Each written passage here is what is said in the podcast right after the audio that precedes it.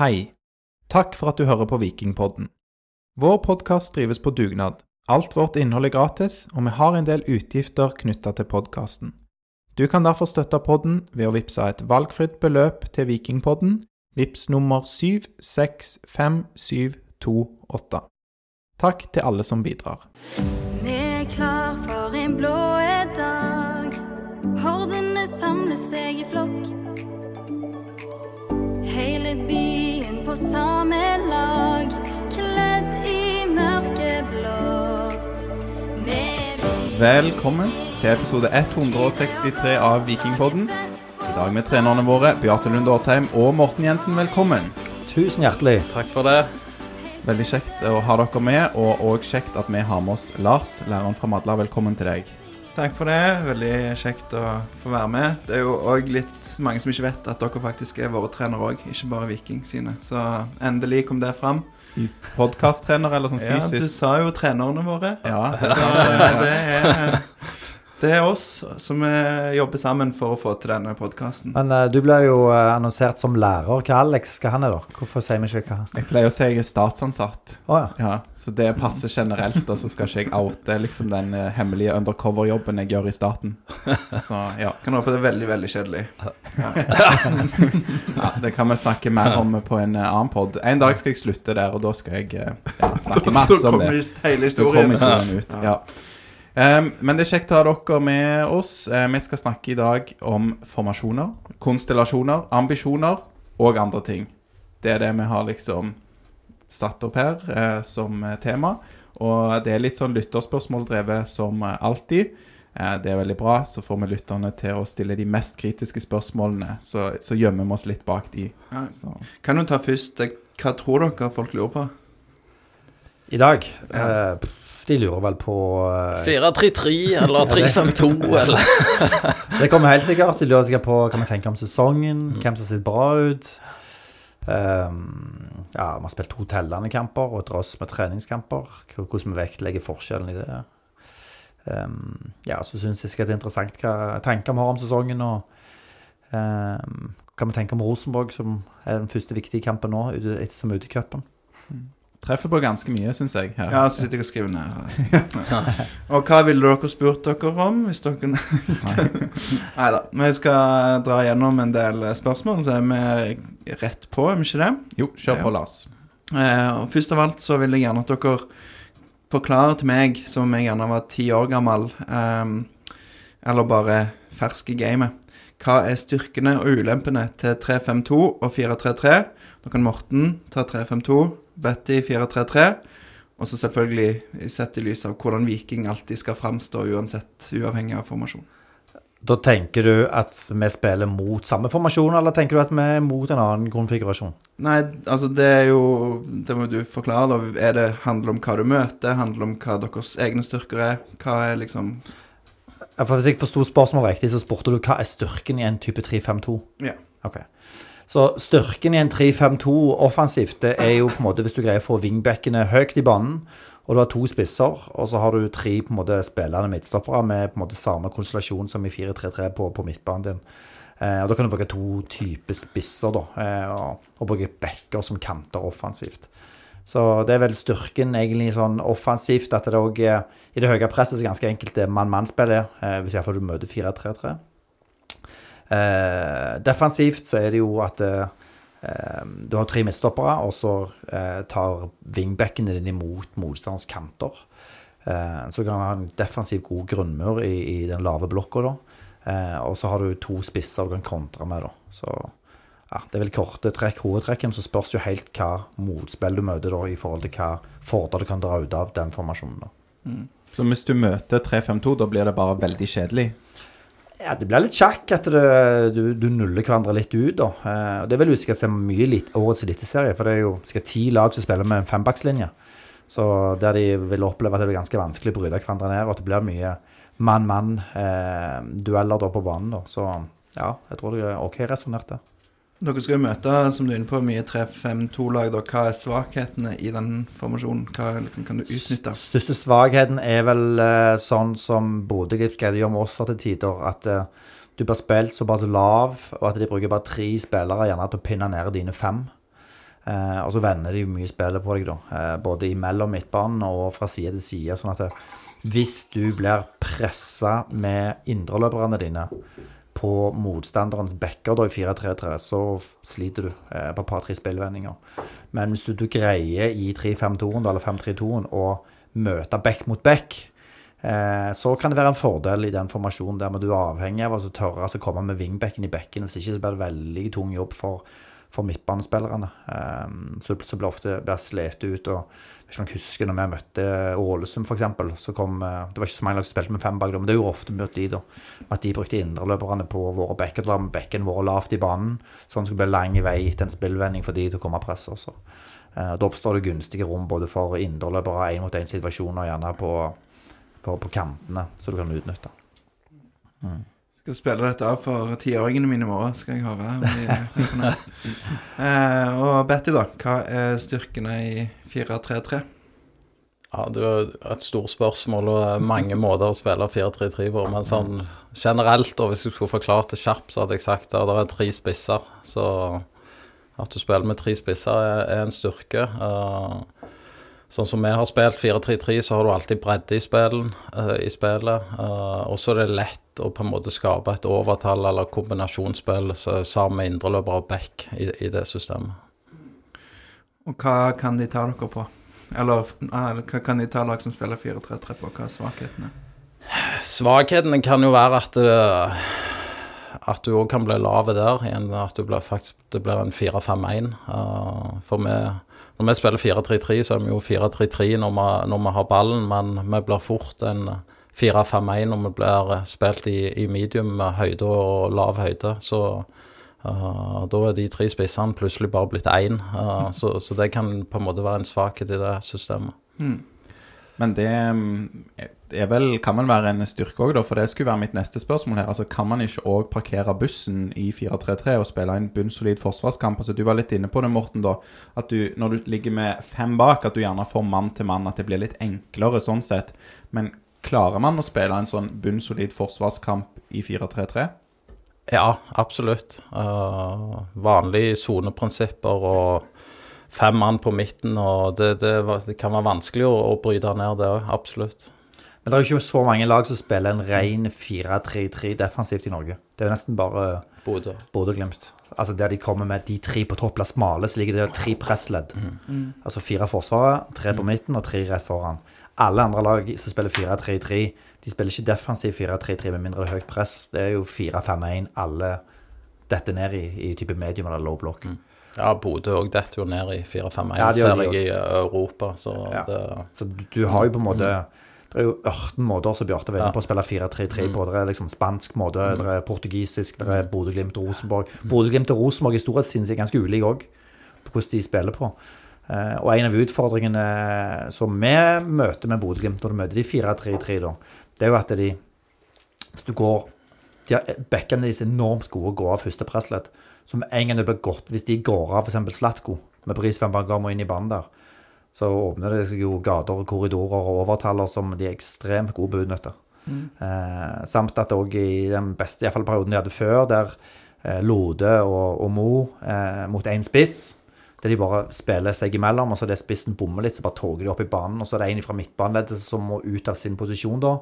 Da har de vært veldig flinke å finne både Saltnes og Berg og ja, disse her. Så de er ekstrem, de er vanskelige mange ganger, fordi de spiller med høy risiko og høyt mot, og så har de ekstremt gode spillere til det. Interessant å høre òg, og um, jeg skal fortsette litt i denne tralten. Jeg vil jo bare si til våre lyttere som syns at man nå gikk liksom full on fotballnerd, så kommer det noen enklere spørsmål, men vi begynner jo litt sånn her som det som i hvert fall jeg sjøl skal gå tilbake og høre på for å graspe alt. Kan du ikke ha ei tavle her, så kunne vi vist? Ja, det kan vi gjøre. Det er jo videopod, så eh, neste gang så skal, vi, skal vi ha det òg. ja. Nei, men det er veldig interessant å høre. Jeg, jeg tenker jo òg at eh, kanskje fordi Hvis man har tre på topp da, i en 4-3-3, så sier dere at det blir 4-5-1 i forsvar. da, At det er veldig tydelig eh, forsvarsroller for eh, kantene våre og indreløperne. Um, men at det kanskje òg blir litt mer sånn, når vi har sett Viking i 3-5-2, at det blir litt sånn sosing på de to på topp. Men det er kanskje bare mitt eh, inntrykk, da, at det er ikke så tydelig hvor deres defensive ansvar ligger. Er det feil oppsummert av meg, eller bare jeg ser kampen litt dårlig? Det er feil Ref- oppsummert hvis i hvert fall de, de har Refererer du til Bodø-kampen, eller? Ja, det kanskje det òg. Ja. Mm. Ja, det er jo veldig sånn tydelig klare oppgaver hva, hva spissene skal gjøre defensivt. Hva er rollene deres, da? De Når, når vi står i det høye presset, så, så skal de ta ut keeper og, og de to midtstopperne. Eh, når vi blir spilt så lave som vi ble, så skal de ta ut de to midtstopperne uh, for å bryte det mønsteret som Morten nettopp beskrev, at de ønsker å frispille med, med en av de to midtstopperne. Og så skal de skrine ut uh, nummer seksen, som var Patrick, Patrick Berg. Det er på en måte deres defensive hovedoppgave, da. Uh, Da sier vi egentlig til de at de får lov til å bare angripe ut på sida. ja, Be. Bekken kan få ball, uh, og så må du løse den Det blir en tre mot tre-situasjon ute bredt der med, med indreløper på bekk, uh, vår wingback på deres kant, og deres indreløper som skal springe rett i fanget på en av sidemidtstopperne. Um, og så er det jo Ja, når du blir så lave, så er det jo ofte kontringer som kan, kan bude på. Uh, det, det skårer vi jo på. Um, ellers for å få, få mer ball mot dem, så må du våge å gå høyt mot dem. Og gå mann-mann. Ta av det presset som Morten uh, beskrev, uh, sånn at de må slå langt. Når de har slått langt på så har vi nesten vunnet alle de ballene, og får vi plukket opp andre ballene, så kan vi gjerne hvile litt med ball. Det var liksom tanken på det. Og Det er jo det vi har gjort mot de fem oppgjør før. ja, Hvis vi snakker om den kampen. Men eh, det er så vanskelig mot de mange ganger, sånn også det var nå, det var liksom at når det har ligget lavt, og så har det vært på kontring, så har vi skutt, og så har ballen gått ut forbi. Så er vi for seine til på en måte å stille oss opp, så vi får press de høyt. De får ballen fra ballgutten på sånn, så setter de ned, så får de i gang spillet med en gang. Sånn at, så vi har ikke greid å ha kort nok avstand til å gå og presse høyt igjen. Og det var jæklig irriterende at vi ikke greide oftere måtte. Ja. Da skjønner jeg, ja, eh, altså ikke, Rollen er ikke bare å sose, det var jo selvfølgelig litt flåsete sagt av meg for de to spissene. Men bare ett kjapt til spørsmål, da. Er det Jeg opplever f.eks. at eh, Nick D'Agostino, som har vært med oss litt lenger da enn eh, Salvesen, at han virker å ha dette kollektive presset, og hvordan han skal jobbe i det kollektive presset, eh, litt mer under huden enn eh, Salvesen. Er det noe dere jobber da med vår Ja. nyeste spiss på? Ja, vi har jo, vi har jo brukt mye tid uh, i løpet av oppkjøringen. Uh, spesielt på den første treningsleiren i, for, i forhold til Så måtte jo si til han at han, han var nesten for lojal og, og lå i ramma. eh, Vi hadde mange gode kamper òg der vi lå eh, i medium press og fikk trent på det allerede første kampen mot Bodø nede i, nede i Alicante. Så um, Mot Lillestrøm var egentlig første kampen vi slapp han skikkelig løs. Ja, ja. Det var en god. Det var en god. Og så er det jo sånn, vi ønsker jo å være offensive og, og angripe, så vet vi jo at det krever at vi, vi, vi sitter i den blokka av og til. Um, og, og så er det jo å lete etter de tegnene når vi kan lufte oss igjen, og så helst vinne den ballen. For vi ønsker jo å vinne den ballen så ofte som mulig, og gjerne så høyt som mulig. Men Salvesen da kan lære litt av Nick D'Agostino, hvis du får en sånn der hybrid av de to. Nei, men Salvesen Salvesen er egentlig sånn. Han er sånn. Ja, han Ja. er god i press, altså. Så det, um, han, uh, han er flink til å sette inn press, og er veldig tydelig når han, når han på en måte bryter ut fra, fra rammer. Da må de andre følge etter. Dere sier se etter tegner når, til når dere kan sette inn det presset. Hva, hva er de tegnene? Det kan være en dårlig pasning. Egentlig alle pasninger som går negative på tvers, som er lange pasninger. Så hvis du som høyreback slår en pasning til venstre midtstopper, så ønsker vi at det skal være pressignal, f.eks. hvis den er sideways. Så vi ønsker jo å finne signaler vi kan lufte oss på.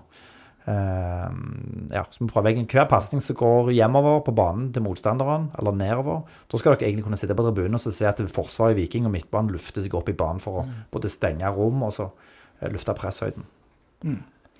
Ja, så kan det være en uh, slapp pasning mellom midtstopperne, så, så indreløper lukter. Feilvendt Uh, spiller, dårlig touch. Ja.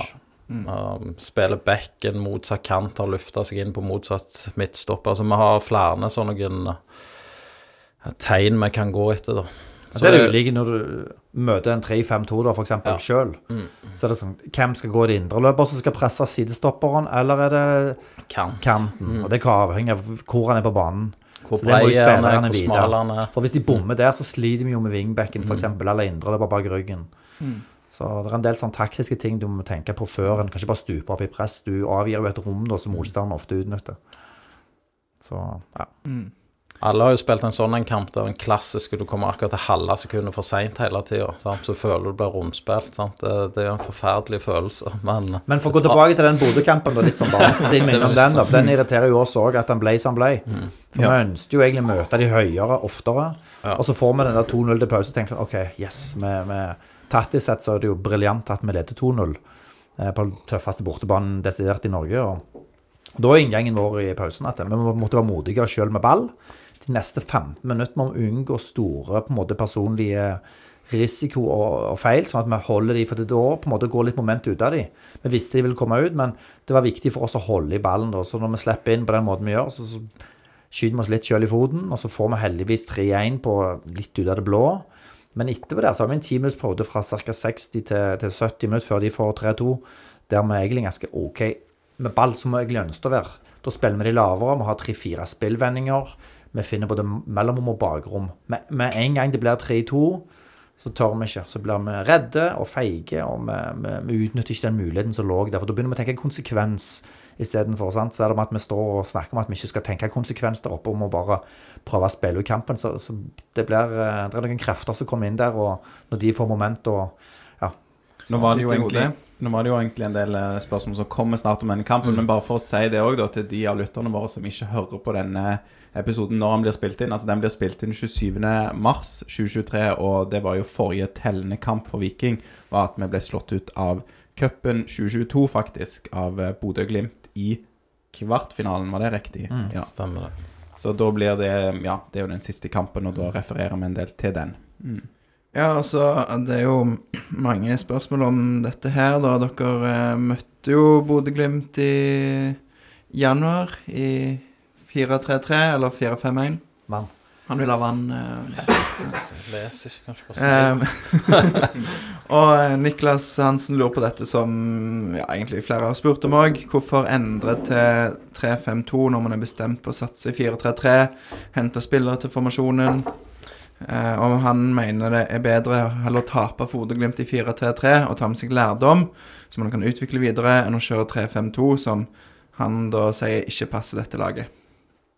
Sånn, I det store og hele bildet så er jeg jo enig i det, men allikevel så er det jo kvartfinale i, i cupen, så Og med den på en måte erfaringen vi har hatt i, i de andre kampene, og, og hvordan vi vet hvor lite de liker å møte oss i, i, i den formasjonen, da, så, så var det en vurdering eh, meg og Morten, Morten tok. Og litt som Morten sier, i 70 minutter så er det uh, 3-1. Ja, 3-1, og gameplanen funker. Uh, Vi er ikke knallgode. vi er ikke knallgode, nei, men uh, det Ja, for vi, Det har jo funka mot Bodø-Glimt før, men det funka dårlig nå. Ja. Ja. Så da er det mer interessant å prate om hvorfor uh, det ikke funka da, sånn som jeg og Morten trodde, da. Og Morten er litt inne på det i forhold til vi har altfor lite ball. Og vi evner heller ikke å gå opp i det høye presset så ofte. Eh, det snakket jeg om for et par minutter siden. Når vi går opp mann-mann og lykkes i det, så slår de langt, og da slår de på Brekkalo, eh, Diop eh, og G, så vinner det fleste. Og det er en sånn fin måte å på en måte òg ødelegge litt spillet deres, men òg for at vi skal få litt mer ball. Og hvis du ser f.eks. hjemmekampen uh, i fjor, etter vi røyk uh, i semien mot dem, uh, da lykkes vi jo helt ekstremt med det å gå høyt på de hele tida, og jeg tror de skaper én sjanse i den kampen. da. Eh, det klarte vi dessverre ikke. Hva vil dere si til de som kaller det for? Eh, Hva er feigt å prøve å vinne en fotballkamp? Nei, det er vel da Altså, det er jo ikke Ja, men det, er ikke blitt, det er ikke blitt sånn at. Viking skal spille 4-3-3 alle kampene. Det må jo være en fleksibilitet innenfor Og jeg mener vi har, vi har jo stall òg til å kunne spille 3-5-2. og Det er ikke sånn at det er ikke sånn at spilleren, dette er nytt for spillerne våre at vi gjør det f.eks. mot Bodø-Glimt. Men det som Bjarte sa, vi ønsker jo å spille 4-3-3. Det er jo ikke noe, men spillerne, dagens spillere det er på en måte skolerte. De vant med at du kan endre formasjon på en måte i en kamp, eh, før en kamp. eh, Ja, så det hvis du ser internasjonal fotball, da, så tror jeg det er ikke mange lag som bare spiller én formasjon uansett hele veien. i løpet av en sesong. Der er, lag har både variasjon og litt sånn som måten de vil presse på, kanskje 4-3-3 f.eks., som vil være et avvik fra det tradisjonelle. Eh, Noen ganger så går det med tre midtstoppere, noen ganger så spiller det med to. Så ja. Det passer jo fint nå å ta dette spørsmålet fra Øystein Dale, da, for han spør eh, hvordan reagerer spillerne på disse formasjonsbytta som de ikke har øvd på like mye? Og da refererer han nok òg til dette som Slatko var ute i media og uttaler at de ikke har trent på 3-5-2. Var det ordrett, eller ja, ikke har drilla det, eller hva Slatko sa. Ja. På mange måneder. Ja. Vel kanskje to ting her å ta tak i. Eh, på hvordan reagerer spillerne på formasjonsbytter de ikke har øvd på så mye? Ja, for det første så har vi jo øvd på det, da. Det må jeg jo Hele, hele uka absolutt Da. si, Så vi får håpe at han eh, Slatko var våken. Ja, nei, han var ikke, var ikke med, han, på trening? Eller? Han var med på samtlige økter, så ja, han var fullt klar over at vi trente på det. Ja. Ja, og så er det Det, det ble mye følelser òg, den kampen. Det, det, det er en forferdelig måte å, å, å tape på òg. Så det Men var det var liksom Ble spillerne Ble det liksom reaksjoner på byttet? Ble det diskusjoner? Ble det Nei. Nei, det er jo veldig eh, Veldig lojale, uh, veldig klar over kampplan. Uh, vi ja, vi repeterte egentlig hele uka der. eh, Var veldig tydelige. Um, hadde et godt spillermøte uh, der vi òg repeterte, og alle var på en måte klar over hva, hva som venta.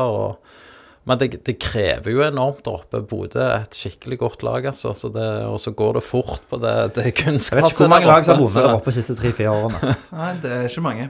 Kanskje du har på én kamp eller noe sånt. Men hva tenker dere om da Altså Nå var vi jo eh, betydelig mye bedre når vi tapte 5-4 på tampen av fjorårssesongen. Men dette med å slippe inn så veldig mange mål, da. Mm. Hva Det gjorde vi òg. Ja, det var nettopp det. sant? Det var en bedre kamp. Vi var nære, nærere å vinne den. Men um, det blir jo ti, Vi- ti sekken. sånn, Hvis vi gjør jobben vår skikkelig i den formasjonen der, så den kampen vinner 3-1. Eller 3-2. For det, det er noen store, grove feil Du kan ikke reise opp til Bodø uten å gi de målsjanser. De kommer til å få store målsjanser i en kamp. Så, så gode er de. Det må vi bare ta hands up og si. Men hvis du er bånnsolid defensivt, holder struktur, er lojale på en måte i avstander og, og, eh, og er kyniske, så, så du burde ikke kunne skåre fem mål på oss. Absolutt ikke. Eller fire, eller tre. Men det var jo ja, Det kan godt være de ikke skulle ha skåret fem mål denne kampen, at de fikk litt uh, godt betalt, men vi får jo òg veldig godt betalt med Absolutt. våre tre mål. Ja. Ja, ja. Ab Spiller vi denne kampen ti ganger, så vinner de alle ti. Vi kan ikke få en uavgjort. Absolutt. Og det er liksom, eh, men vi har vært effektive der oppe begge de siste årene. Vi har skåret syv mål på to bortekamper. Det tror jeg ingen, ingen andre lag har gjort. Mm. Så, eh, men vi, vi kan heller ikke slippe inn ti. Eh, jeg vil bare droppe det litt kjapt videre, for det, jeg vil tilbake til den Det var jo en sak i Om det var Aftenbladet, sikkert, vel? Der Slatko Tripic sier dette, at han stusser over endringen som ikke har trent på, går ut i media. Eh, hvordan reagerer dere på sånt? Eh, for det er jo, som dere sier, dere har trent på det hele uka. Eh, for meg så er det litt sånn Er det den kaptein som er ute og melder mot trenerne? Hva, hva tenker dere om, om det? Jeg tenker egentlig at Slatko han er veldig emosjonell eh, etter et sånt, eh, en sånn kamp. Og så har han sikkert Jeg vet ikke hvor spørsmål ble stilt deg, eller hva han egentlig har svart på, men ting kan òg bli tatt ut av kontekst. Men eh, han var iallfall veldig klar på at, eh, at vi spilte 3-5-2, og at vi hadde øvd på det hele uka. Og, eh, og hatt fokus på det, så jeg tror han var ganske klar på, på, måte, på det. Og så kan det være at eh, ordlegginga ikke var helt heldig i forhold til det som ble overskriftene, men ja. um, Slatko han er lojal, han, så vi er ikke noe redde for det. Men gjør dere noe, tar dere en prat med han, hører litt hva det går i, eller uh, sier at dette ikke var greit, eller noe sånt? Prater jo med Slatko hele tida, egentlig, så det Ja, jeg spurte han jo etterpå om vi ikke hadde øvd på Mm. Du sa, vi kom tilbake, du nevner at vi ikke har øvd på det. Han var jo det. Ja, det var ikke helt sånn han sa det, ble misforstått. Og, Ja. ja. Så spurte han meg en spesiell situasjon vi mente ikke hadde øvd på. Så jo, vi øvde på det, men da var du åpen med meg og gjorde avslutninger, så du var ikke involvert i det, for det var type wingback, sidestopper og, Mm. og indreløper. Så ja. Så han er fortsatt kaptein. ja, det er han. Ja, det, det er bra. Bare for å ta dette spørsmålet fra Sigurd Ronstad. det kan vi sikkert bekrefte Dere bekrefter da at eh, Ja, spør om vi er ferdige med 3-5-2 mot eh, norske lag. Eh, og da er svaret nei på det fra Sigurd. Vi er ikke ferdig med det mot norske lag. Det er jo sånn vi òg spør oss jo de spørsmålene etterpå. Sant? Skulle vi gjort noe annerledes, bla, bla, sant? Men det, det er enormt lett å være etterpåkloke. Så Hadde det vært vunnet, da, hadde det vært spørsmål da Ja. om vi gjorde det. Me- meg og Morten må jo på en måte bestemme noe. Sant? Vi må ta en beslutning, og vi tar det som vi mener er til Vikings beste. Så det, jeg skjønner at dere ikke alltid tror det, men det, det Eh, Men vi òg er flinke og spør de, de spørsmål til hverandre etterpå.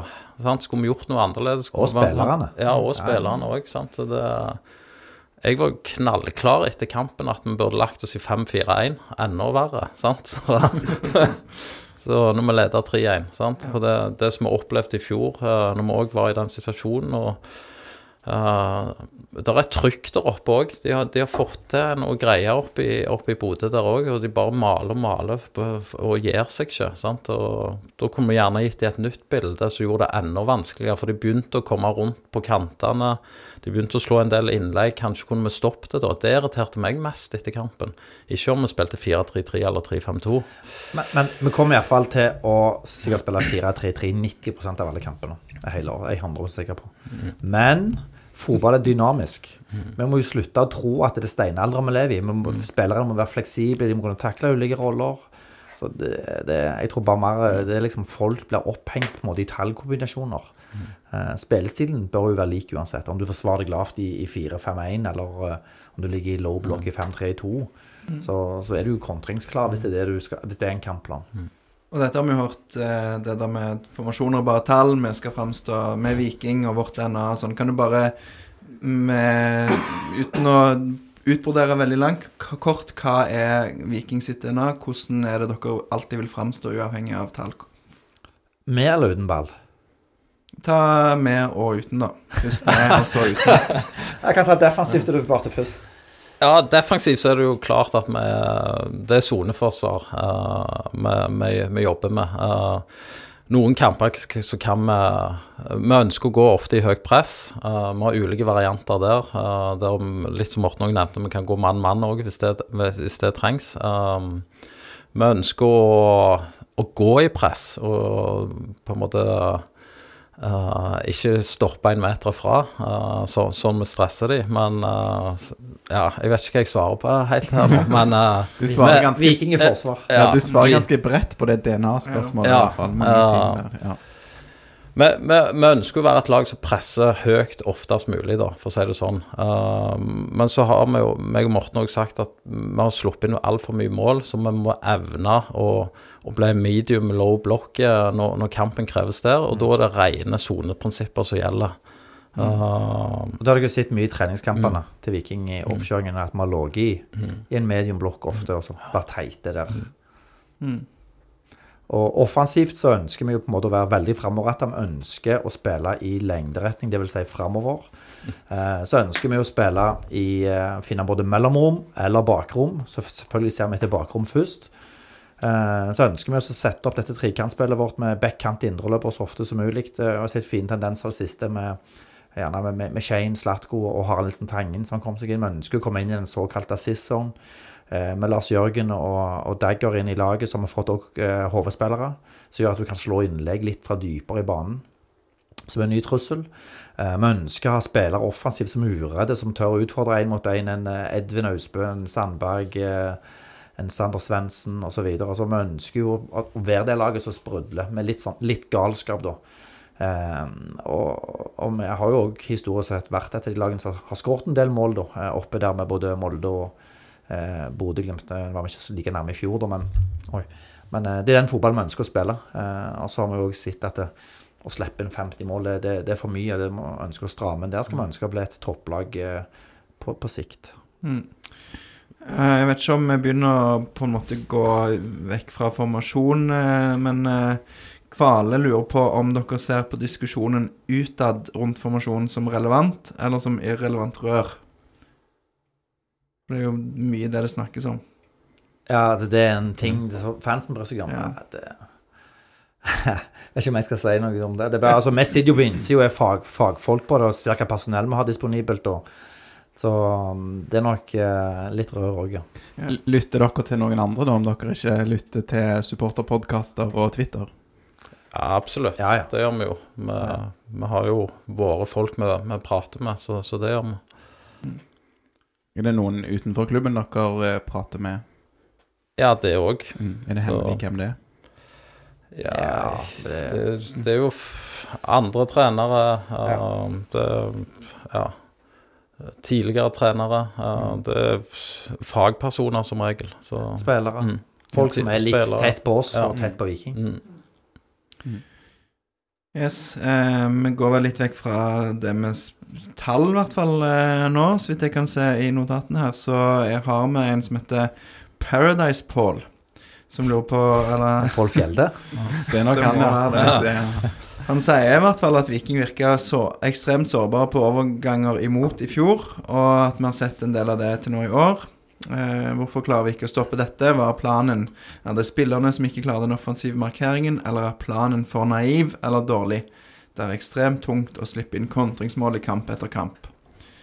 Så dette tør han tydeligvis ikke ta opp med dere eh, i, i møter, Fjelde, så nå kan dere få svaret her. Ja, men vi har jo Vi har jo sluppet inn eh, en, del, en del mål på det, og det, det går både eh, med valg og vi gjør sjøl med ball, eh, der vi setter oss i eh, dårlige situasjoner. Og så går det òg på at det har blitt gjort òg feil. og så har vi òg blitt tatt på en måte i, i, i undertall. Så det er jo noe vi har snakket om veldig, det hvordan ser vi ut når vi angriper bak ballen? Hvordan er strukturen? Hvordan er balansen? Eh, og da, for de som står bak der, så går det jo fra å være den fysiske sport, fotball, til å være en mental uh, sport. Du må, du må være konsentrert, du må være på hva kan skje. Eh, du, du, det, det er ikke da du skal slappe av. Uh, det er da du gjerne må være enda tydeligere og spille med hodet. hva kan skje her? Hvor kan bruddet komme? hvordan dekker jeg det bruddet? Og så er det jo det selve duellspillet, om, om du vinner de viktige duellene der, eh, og, eller om du er rutinert nok til å lage et lite frispark for å hindre gjerne en kontring. Og så har vi òg jobbet med at vi skal være et lag når vi får de kontringene mot, der alle sprinter tilbake. Uh, og de, Det har du sett eh, i flere kamper allerede, og de klippene der bruker vi nesten som kult, Kulturklipp. kulturklipp, for, for det, det er sånn, sånn et lag vi ønsker å gjøre. Feil kommer til å gjøre, vi kommer til å få noen kontringer. Uh, men hvis det er full sprint tilbake, så er det god sjanse for at faktisk kan stoppe de kontringene òg. Og synes som da dette er noe dere har jobbet med, så da blir det færre mål på kontring imot i år. Ja, det håper vi. Iallfall hvis spillerne gjør jobben sin. Ja. Ja, det ble dessverre én mot KBK, så, som vi allerede må lære av. Så Ja, den må jeg innrømme jeg ikke fikk sett. Ja. så den Jeg har sett halve den. Ja, den, eh, den verste halvdelen fikk jeg. Men, så, ja. um, med et litt annet spørsmål. Vi opplever at dere er glade i å ta grep. Altså dere um, tar grep eh, mellom kampene og gjør endringer, både personell og formasjon, konstellasjoner. Um, og, og underveis i kampene, og mye av det fungerer jo bra, og da får det hyllest, og vi syns jo òg det er kult med det. Men er det, er det sånn at to trenere tar dobbelt så mange grep som én trener? Fordi at begge må få gjennomslag for noe? det håper jeg ikke. Nei, det var litt flåse- flåsete. Nei, er gjør ikke det. Det er mitt, det er mitt spørsmål. Så det, ja. nei, men det, det er noen ganger at vi med, sånn, med fasiten i, i hånden, så skulle vi gjerne ønske at vi ikke gjorde ting. Eh, som vi gjerne gjorde ref Bodø-Glimt-kampen òg, så var vi ganske ærlige på det. at det, eh, var en del fra management-perspektiv der som ikke var happy med sånn etterkamp. Blant annet, sånn som Bjarte sa, burde sitt 5-4-1 kunne vært løsningen til, å ri det inn når kampen ble som ble. Mm. Eh, og du vet heller ikke helt hvordan kampen blir når du starter. Eh, altså plutselig tar kampen en tørn eller en annen retning enn det vi tror, eller en annen kampbilde vi håper på. Da har vi jo muligheter å gjøre grep fra sida, eller eventuelt ikke gjøre grep fra sida.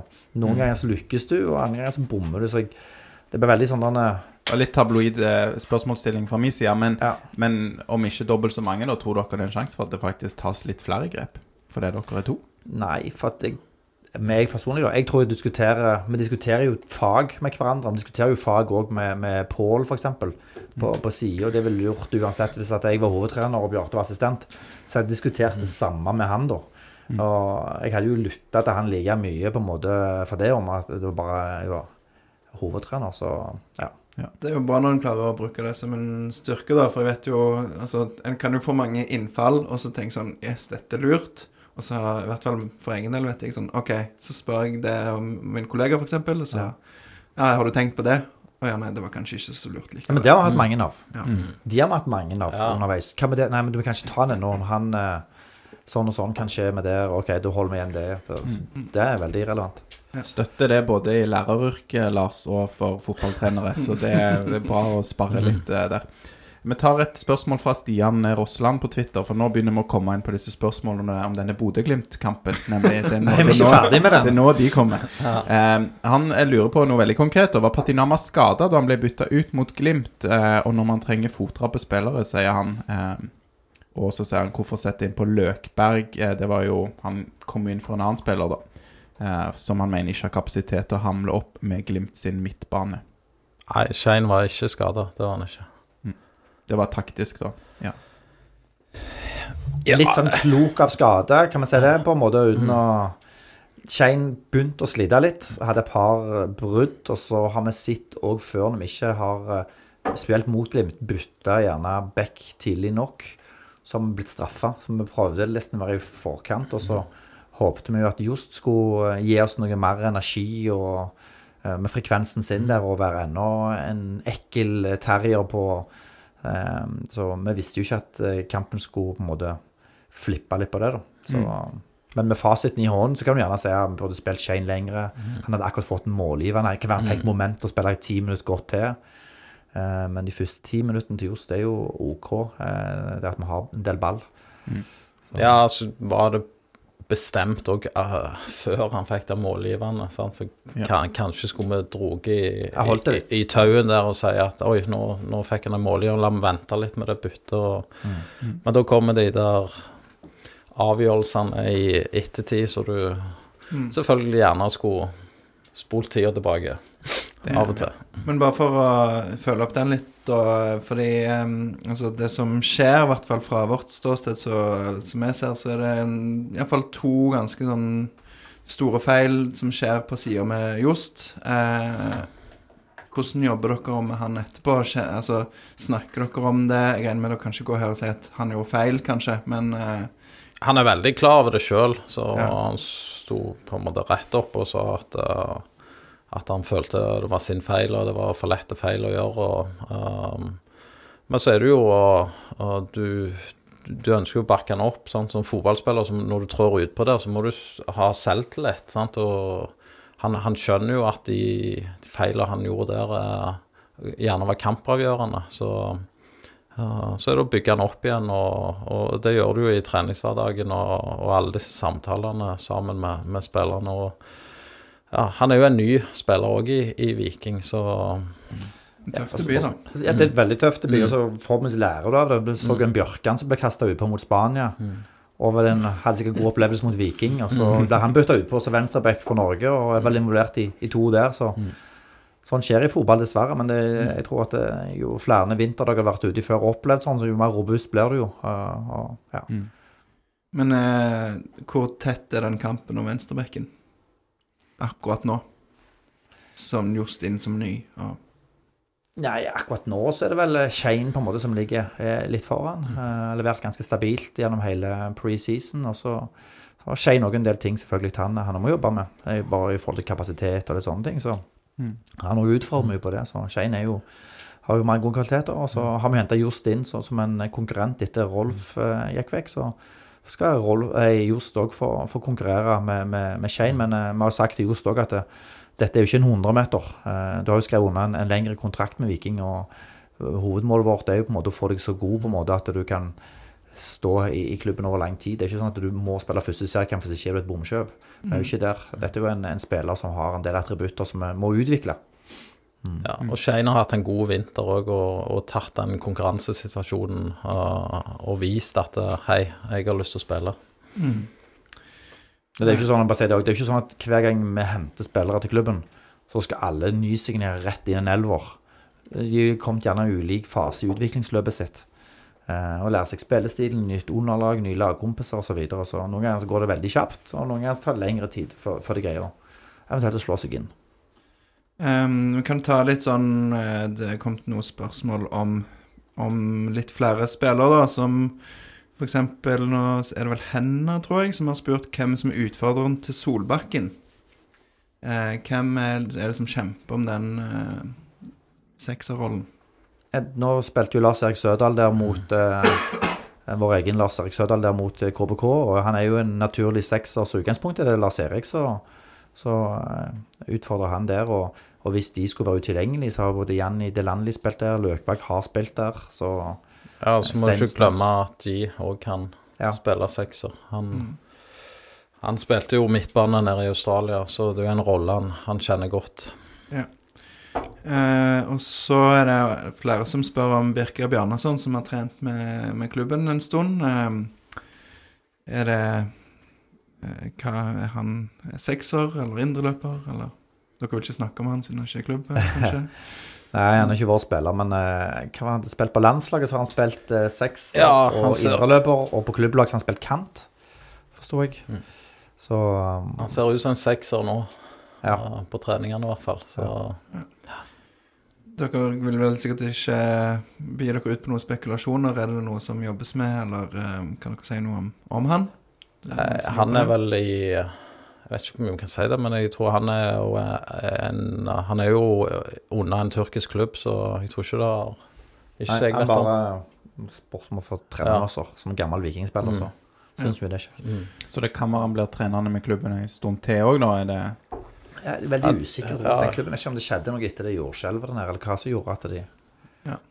kom hjem. Ja. Jeg tror det er en ja, personlig greie. Ja, OK. Dere tar vel imot han med åpne armer, hvis han Ja, jeg har Hvis han vil hjem igjen, på- Ja. tenker du. Ja, det må du spørre Birker om, hva, hva planene hans Eller Nevi, vet ikke Ja, eller. Nevi ja. Ja, har dere sett de jeg prata litt sammen, da? Nevland og Birker? Nei, lite. Lite? OK. Var de i klubben samtidig, kanskje òg? Ja, vet ikke. Jeg tror Nevland sa det. Hvis Birker kommer, så gjør jeg òg comeback. Herlig, da. Det er Deilig. to for prisen av én. Det er good. Ja, Nevland får jo allerede lønn, så det er jo flott. Ja. Um, er Nick D'Agostino et alternativ på kanten, eller er det han og Salvesen som kjemper om spissplass, og kun det? I utgangspunktet så er han jo spiss, eh, men både han Han har jo òg spilt høyrekant. kant. Så ja, det, det er noe vi har snakket om på trenerkontoret, men eh, akkurat nå så konkurrerer han jo, konkurrerer han jo på, på topp med Salvesen. Ja, men vi må gå Vi, vi ser vi må gå bare i, Ja. i neste her. Tiden flyr i godt lag. Nå må vi pl virkelig plukke spørsmål. Så Ja. til de som har sendt inn spørsmål og ikke får sitt stilt, så er det bare fordi det er dobbelt så mange som det vi rekker å stille. Vi går på eh, ambisjoner, da. Gjør vi ikke det? Ehm, da er det et Ja, er det du som skal ta det, Aleksander? Jeg kan stille et litt sånn kritisk spørsmål her fra David Ølberg. Ehm, han sier spørsmål til podden med Batty og Jensen. Har de noen gode grunner til å fortsette å tro på prosjektet deres? Ja, absolutt. Uh, Håper det.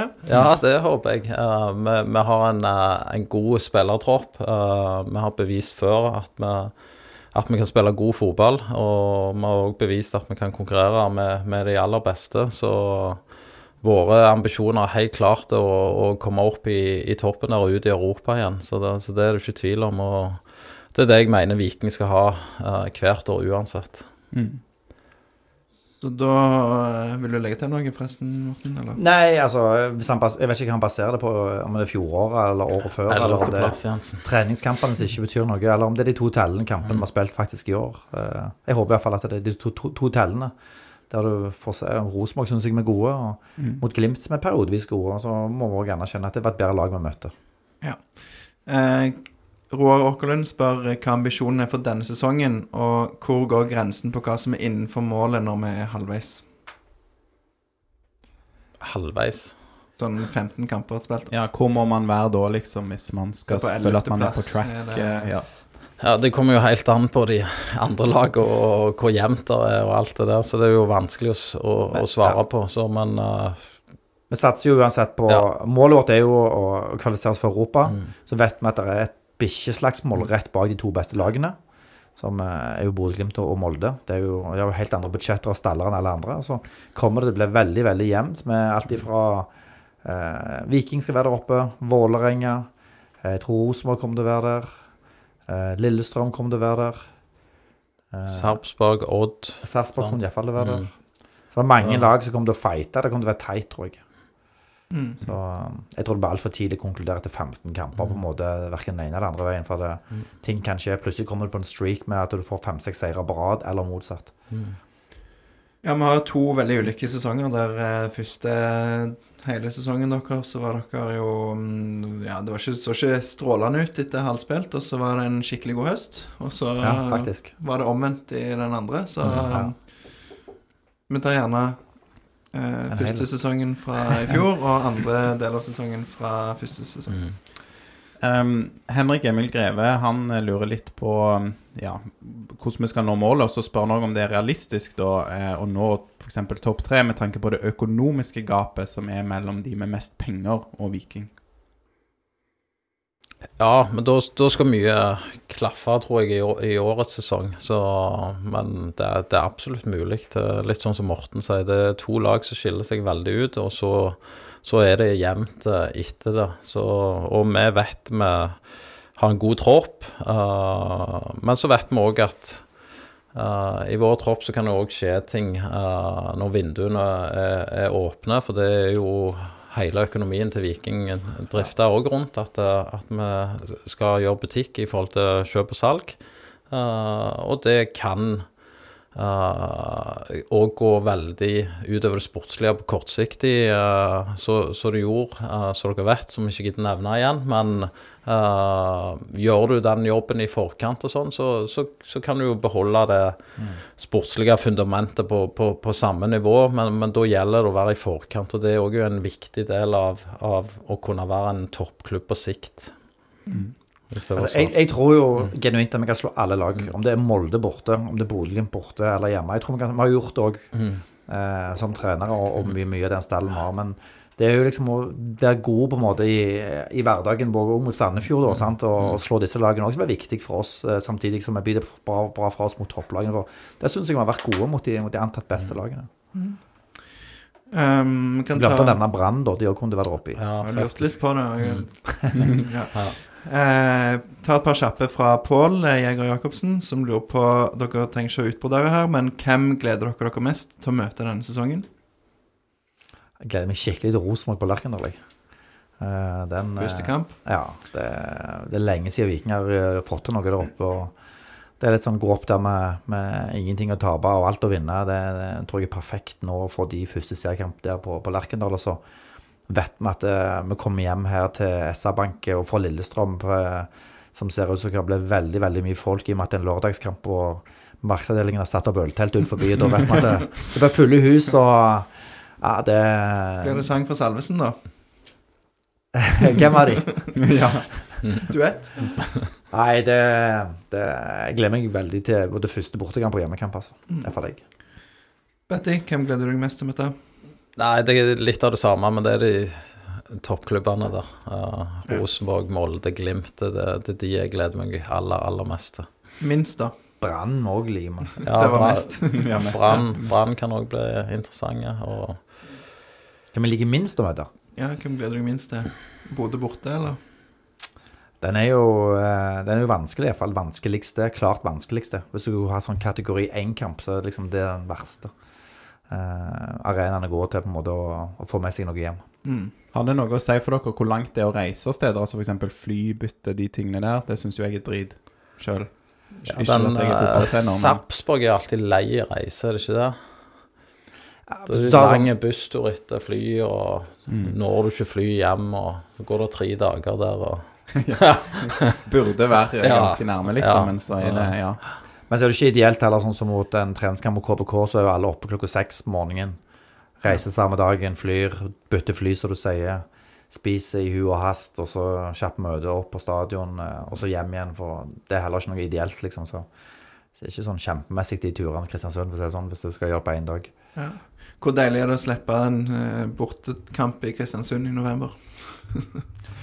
Eh, Det er rart. Hver gang vi har spilt mot dem, så har det vært eh, minusgrader og vind, liksom. Så det, det slår ikke feil, det. Så det er uansett hvor de vi har spilt mot dem, så har det vært, vært en uh, spesielt vær, da. Ja. Men uh, ja, jeg kunne gjerne tenkt meg Kristiansund igjen. Eh, Ja, det er jo en liten, intim stadion, så det Siste fra Pål. Hvem tror dere overrasker, overrasker mest i årets eliteserie? Sånn Tenker du lag, eller? Ja. Ja, det- Sarpsborg. Det var jeg. Sarpsborg. Bra. Bra- Brann, er det en overraskelse å si, eller? Alle fordi snakker om at de skal opp og vinne, så da, Mm. blir, da blir det overraskende hvis de ikke gjør det. Ja. Mm. Eh, vi går på den eh, siste kategorien, som heter andre ting. Eh, har dere sånn cirka bare timeframe på hvor lang, lang tid vi har igjen med dere? Ja, ja. Ti minutter, bare kjør på. ti minutter, ja, good. Eh, Lars Aksnes lurer på om dere har spilt mye eh, Championship Manager eller Football Manager i oppveksten. Nope. Veldig jeg, lite. Jeg er gammel, så Spilte vel i Norge? Oppveksten var litt eh, optimistisk, kanskje, men eh, Jeg tror jeg spilte sånn type eh, CM 95-96, litt sånn rundt det, og spilte var med en gjeng som spilte, tror jeg. Ja. Et par år. Mer Fifa enn disse managerspillene, eller? Ikke tid til det heller. Ikke det heller. Nei. det var ikke Fifa på min spilte faktisk fotball på banen, Alexander. Mm? Begge to har jo spilt fotball på banen. Ja. Det er der der det det burde jo flere prøve, da. Det er ganske kjekt, det òg. Ja. Men jeg ser heller mye fotball på TV-en enn å sitte foran skjerm. Ja. Skjerm, det òg, men ja. Jeg skjønner Ja. Det. Um, Jan Godfrey lurer på om dere spiller Fantasy. eh, sånn Premier League eller Eliteserien. Skjønner dere sånn, sikkert, Kjenner sikkert til det. Nei. Jeg var med for to år siden der, men så da var det sånn veddemål og sånn, og så var det altfor mange ganger der jeg glemte å bytte spillere og kaptein, og så da ble jeg bare sur, altså da tenkte jeg at jeg ikke bruke energi på det. Så da vil dere begge hevde at dere er bedre trenere på ekte enn i fantasy football? Ja. ja. Jeg har ikke prøvd det, så Så du, ja. ja, det er bra. Men da det, kan jo vi bare kjapt plugge til alle lytterne, da, om ikke til dere som ikke virker å være sånn superinteressert, at eh, Vikingpodden har en fantasy-liga. Det er vi som har eh, Viking sin liga. Eh, samarbeider òg med klubben og får premier eh, fra de. Og der er det jo nevnte Jan Godfrey da, som er eh, in charge, og vi vil jo kjøre ut på sosiale medier med litt forskjellig informasjon. Så der må folk eh, bli med i år, de som Hvem som er dyreste vikingspilleren, da? Jeg spiller ikke fancy, så jeg vet ikke. Men jeg tipper jo kanskje Det må jo være den spiss, da. Kanskje Ja, Salvesen. Salvesen blir fort. Det er jo litt sånn eh, i overkant bra å ha spillere som skårer mål. Eh, det er vel en enkel måte å forklare det på. Mm. Så det er vel ikke rart eh, å tenke at han er dyrest, nei. Ja, det går an å finne ut for de som vil. Mm. Eh, Vegard Nordstokke Valen eh, lurer på om dere tror at dere hadde hatt jobben i dag hvis dere ikke var lokale, med tanke på nedturen i høst. Eh, Sånn eh, vanskelig kanskje å Nei, det, det, det tror jeg. Det, det vi på en måte beviste før, og de mekanismene som så, så skjedde, og jeg følte klubben uh, på en måte så, så de uh, mekanismene som kom inn, men det, det er jo klart det meg og Morten heller likte jo ikke den høsten vi hadde. Så, ja, det men ikke. eh, jeg tror ikke at vi har denne jobben bare pga. at vi er lokale. Det, det tror jeg ikke. Det er bra. Eh, dere nevner høsten, og hvis det skulle bli en ganske lik eh, utvikling, eh, har dere lært mye av høsten som dere kan bruke for å eventuelt snu en tilsvarende situasjon, hvis dere begynner å rote dere inn i en dårlig rekke? Jeg skal ikke begynne å vingle formasjonsmessig. eh, nei, vi har absolutt det. Og, men eh, det er jo ingen tvil. Vi også kjenner jo på press. Vi ønsker jo å prestere. Det er jo byen vår. Vi er jo like glad i Viking som dere er.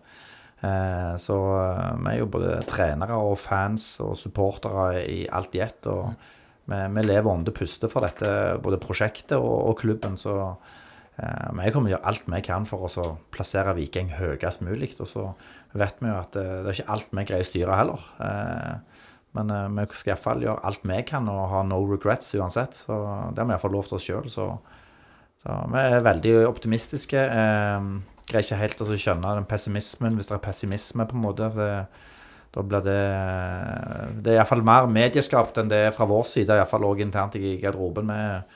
Fleste spillerne er positive, syns vi er på en bra plass. og eh, de òg ser og kjenner på potensialet som, som er i og rundt klubben. Så ja, vi er offensive. Jeg sesongen. tror jo òg at eh, veldig mange av supporterne er veldig positive. Det var kjempekjekt eh, eh, altså under Rosenborg-kampen, og vi fikk med oss det resultatet, den prestasjonen der. Eh, så er det vel bare litt sånn at man har litt korttidshukommelse og husker den siste kampen best, som ikke, ikke helt eh, gikk vår vei, men det er jo i hvert fall mitt inntrykk. Eh, Tror det blir noen tusen ekstra når dere eventuelt slår Rosenborg borte, da. Ja. Ja, så altså er jo fotball følelser. Det er jo sånn og ferskvare. Ja, og Ja. ferskvare. sant. Og jeg, jeg hadde jo på en måte reagert helt likt. sant. Lede Leder 3-1 og så nærme på, på en semifinale mot gjerne Norges beste lag eh, der og da. Eh, så det, jeg skjønner det. Jeg eh, kjente, vi kjente det jo sjøl på kroppen. Det, det er en leie, leie følelse. Skal vi ta et fjasespørsmål innimellom her, Lars? Det Jeg vil egentlig bare høre fra spesielt kanskje fra Bjarte, for du har fått det spørsmålet før. Så du kunne valgt en spiller fra hele verden uten å tenke på kostnad. Hvem ville du valgt? Husker du hva du svarte sist? Nei, må han leve, eller? Jeg husker det var en Everton-spiller. Ja. Sa jeg Duncan? Nei, Nei. det var jeg som spilte han inn til han. Ja, For han er vel i Newcastle nå? ja Duncan er i Newcastle. Nei, men- var det ikke han vi spilte inn? Nei, det var Anthony Gordon. Ja, Ja. Ja, er han i var- Newcastle, han? ja. var ikke det? Jo, det tror jeg de kjøpte han, ja. De har kjøpt han, ja. Ja, han var jo veldig Ja. dyr. eh. Ja, det er han i Stemmer det. Newcastle, ja. Er det fortsatt at han du vil, eh, vil ha fra Newcastle denne gang, da? Nei, Nei. da må vi ha nye Hvem ville du Hvem hatt i ha Viking hvis du kunne valgt fritt? ta han der Schjelderup eller fra Benfica, eller han Aarøen fra Manchester United. Norsk. Aursnes hadde jeg tatt nå. Ja, han, er- han er god, syns jeg nå. Mm. Han kan spille fotball. Var vel òg aktuell for Viking en gang i tida, hvis jeg ikke husker feil. Var han det? Tror det er noen var i Hødd eller noe sånt. Okay. Kan det stemme? Ja. Kan være jeg blande med en eller annen, men eh, ja. Yes, Hvordan vet dere det, liksom? Er dere inne på sånn tekst-TV og ser sånne spillere som er linka? Det er der du får de beste ryktene på tekst-TV. Så de som ikke bruker tekst-TV, sjekk det ut. Ja. Det var noen journalister som sa det, så da må det være sant. Ja, det var det Ja. sant. Ja, ja. Um, ja um, Nå er det jo klart at uh, Forus og Gausel har gått videre i cupen.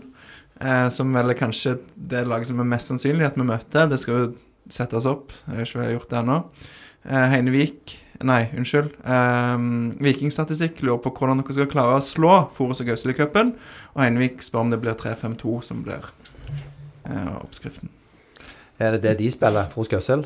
Har du kjennskap? jeg har ingen som helst Har du kjennskap. gjort researchen din?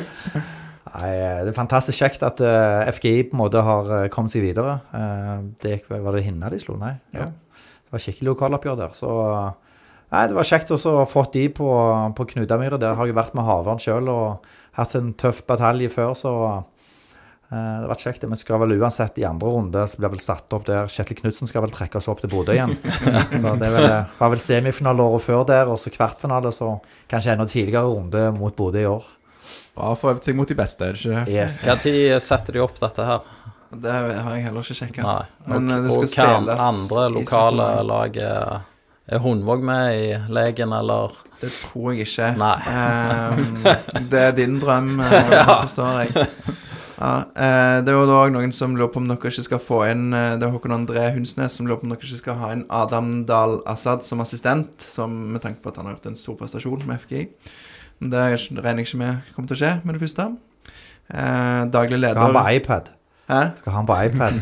Ja, nice. Mangler en iPad, altså. Ja, det er godt å høre. Ja. Daglig leder i Forus og Gausel, eh, Morten Landrock hiver seg- Sæter, hiver seg i hvert fall på og sier at han eh, ikke kommer til å komme seg ut av kontrakten, så det er ikke aktuelt uansett. Så da fikk dere eh, Med det sånn frynsegode med litt sånn tech-iPad og sånn. Da er det ikke ja. Vi får klare oss med Pål. Ja. Ja. Siste spørsmål skal vi ta det her, da, som jeg går bare litt på neste tellende kamp, da. RBK borte, om dere kan si litt om hva vi kan Ja. forvente. Pleier alltid å si siste spørsmål, men det blir ikke siste spørsmål. Jo, men ja, hvem, hva kan vi forvente der, og hvem som har sett bra ut, skal vi se opp for i den kampen og videre? Hos oss. Hos dere, ja. Ja. Ikke, ikke på Ikke dere, oss, må du si. Ja, oss, ja. Oss i Viking. Ja. Mm. Du skal i hvert fall forvente et modig og uredd vikinglag, for det der har vi lyst til å vinne.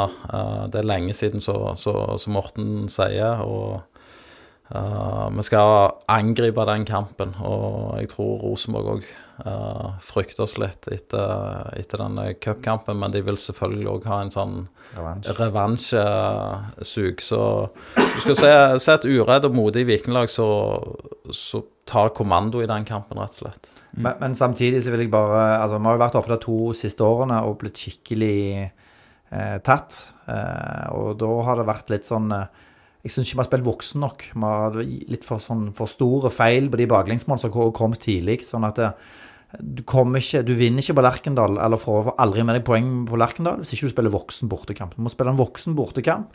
Du må stille opp i duellene og, og, og være absolutt til stede og konsentrert. For det, det er ikke sånn at eh, Rosenborg ble nummer tre i fjor. Så selv om vi slo de ut i cupen, så har de, har de litt andre spillere å velge fra nå når det blir seriestart. Så det kunne bli en knalltøff oppgave for oss. eh, Der jeg sa tidlig i podkasten at det, jeg tror det er nesten 20 år siden Viking slo de eller fikk poeng der oppe. Så det er en formidabel oppgave som venter oss på et sikkert fullsatt Lerkendal til serieåpning. Eh, Den første kampen som går i Eliteserien, så eh, jeg tror iallfall ikke det blir noe walk in the park. Eh, Du må, du må spille voksent, og du må ha kynisme, og du må være eh, mentalt forberedt på at det, kampen kan vare 95-96 minutter før han eventuelt er avgjort.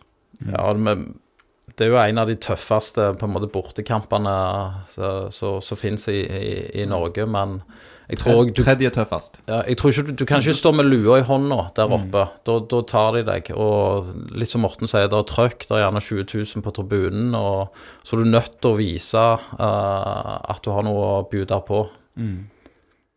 Eh, det er jo fordel for oss i hvert fall, for eh, det laget som spiller hvite drakter, har jo vunnet stort sett de siste årene. Og i år skal Rosenborg ha premiere på sin nye bortedrakt, så da blir det vel kvitt på Viking.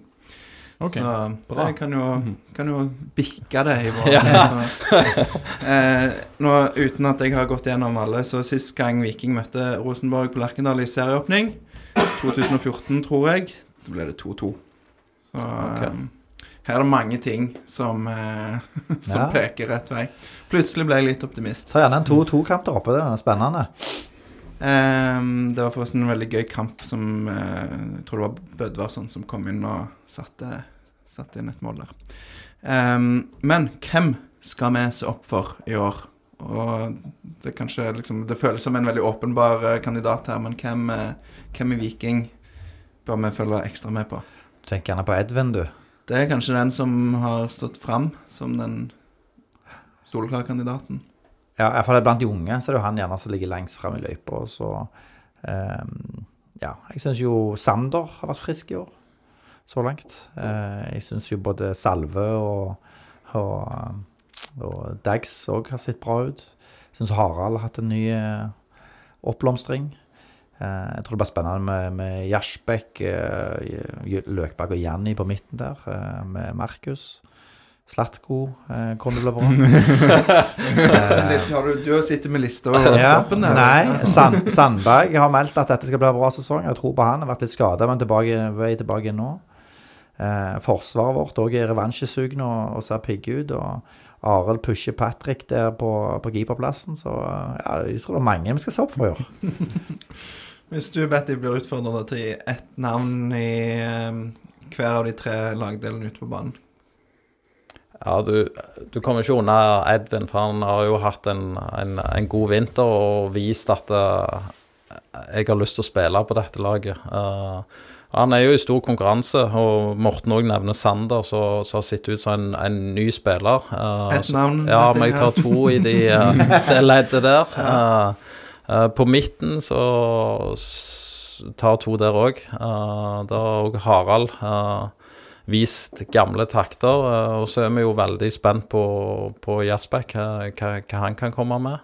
Um, bak der har jo Brekkalo sett veldig, veldig bra ut. Og, så blir det spennende uh, å se uh, Brekkalo og G i, i samspill igjen. Uh, men det er som Morten sier, der er det har meldt seg på nå konkurranser i flere plasser, og, og det tror jeg kommer til å bli en stor fordel for oss. Det høres eh, Mm. bra ut. Vi gleder oss til å se dette her. Og eh, om det ikke blir gull, så håper vi i hvert fall på en, eh, en spennende sesong der vi er i toppen og ikke i bånn. Eh, og så siste spørsmål. Du sier Gjersbekk, og du sier Gjersbekk. Hvem har rett? Helt sikkert Bjarte. Helt sikkert Morten. Jeg kaller jo Lars Jørgen Jørgen òg, så Det er faktisk ganske løye. Ingen som har kalt han Jørgen før, så han skjønner ikke sjøl. Ja, herlig. Ja, men det, jeg tror det er en, en fin miks nå. Ja. Det er liksom eh, både Løkberg og, og Jenny på en måte. Du skal ikke avskrive de på en måte heller. Eh, tror de kan ha en, en fenomenal sesong, begge de to. Så, eh, det er, Bjarte var inne på, det er stor konkurranse på, på flere posisjoner. Så Det var vel høydepunkt mot Kristiansund. Var det ene medtaket til Kristoffer Løkberg. Det var helt eh, nydelig. Vet dere hva jeg snakker om? Nei. nei. Spør Pål. Han, Han har det nok på et videoklipp. Ja, nå er jeg tilbake. Ja. Minutt er vi nå? Det var ute i andre omgang. En Ja, gang der, ok. så, ja. Jeg hang meg mer opp i Jeg så noen glimt, så så jeg et medtak fra en ung eh, KBK-spiller. Det var ganske vilt. Okay. Det var det eneste jeg har sett. Jeg ser ikke på KBK, jeg. No. Nei. Nei. Målet til Simon var bra, da. Det var veldig bra. Ja. Fint spill. Det var en- fin fint angrep. opprulling. Ja. Ja. Mm. Fikk dessverre en skade den kampen, Simon, som måtte av. seg er ute en stund. ja, hvor lenge er han ute? Det vet vi ikke helt ennå, men det blir iallfall noen uker. i alle fall. Så han òg har han har på en måte tatt steg, Ja. så en lokal gutt, så Vært involvert i mye målpoeng. Ja. Mm. Så nå er jo Auklend tilbake igjen. Jeg syns han er et friskt innhopp der oppe. Så det er liksom sånn Hvis én blir skada, så er det gjerne en annen som tar plassen, så Ok, la oss snu på spørsmålet, da. Hvem skal vi ikke Se opp for i år. Hvem er Det er sånn, Vi trenere heier jo på alle. Ja. Det er godt, godt mm. å høre, eh, vil jeg si. Mm.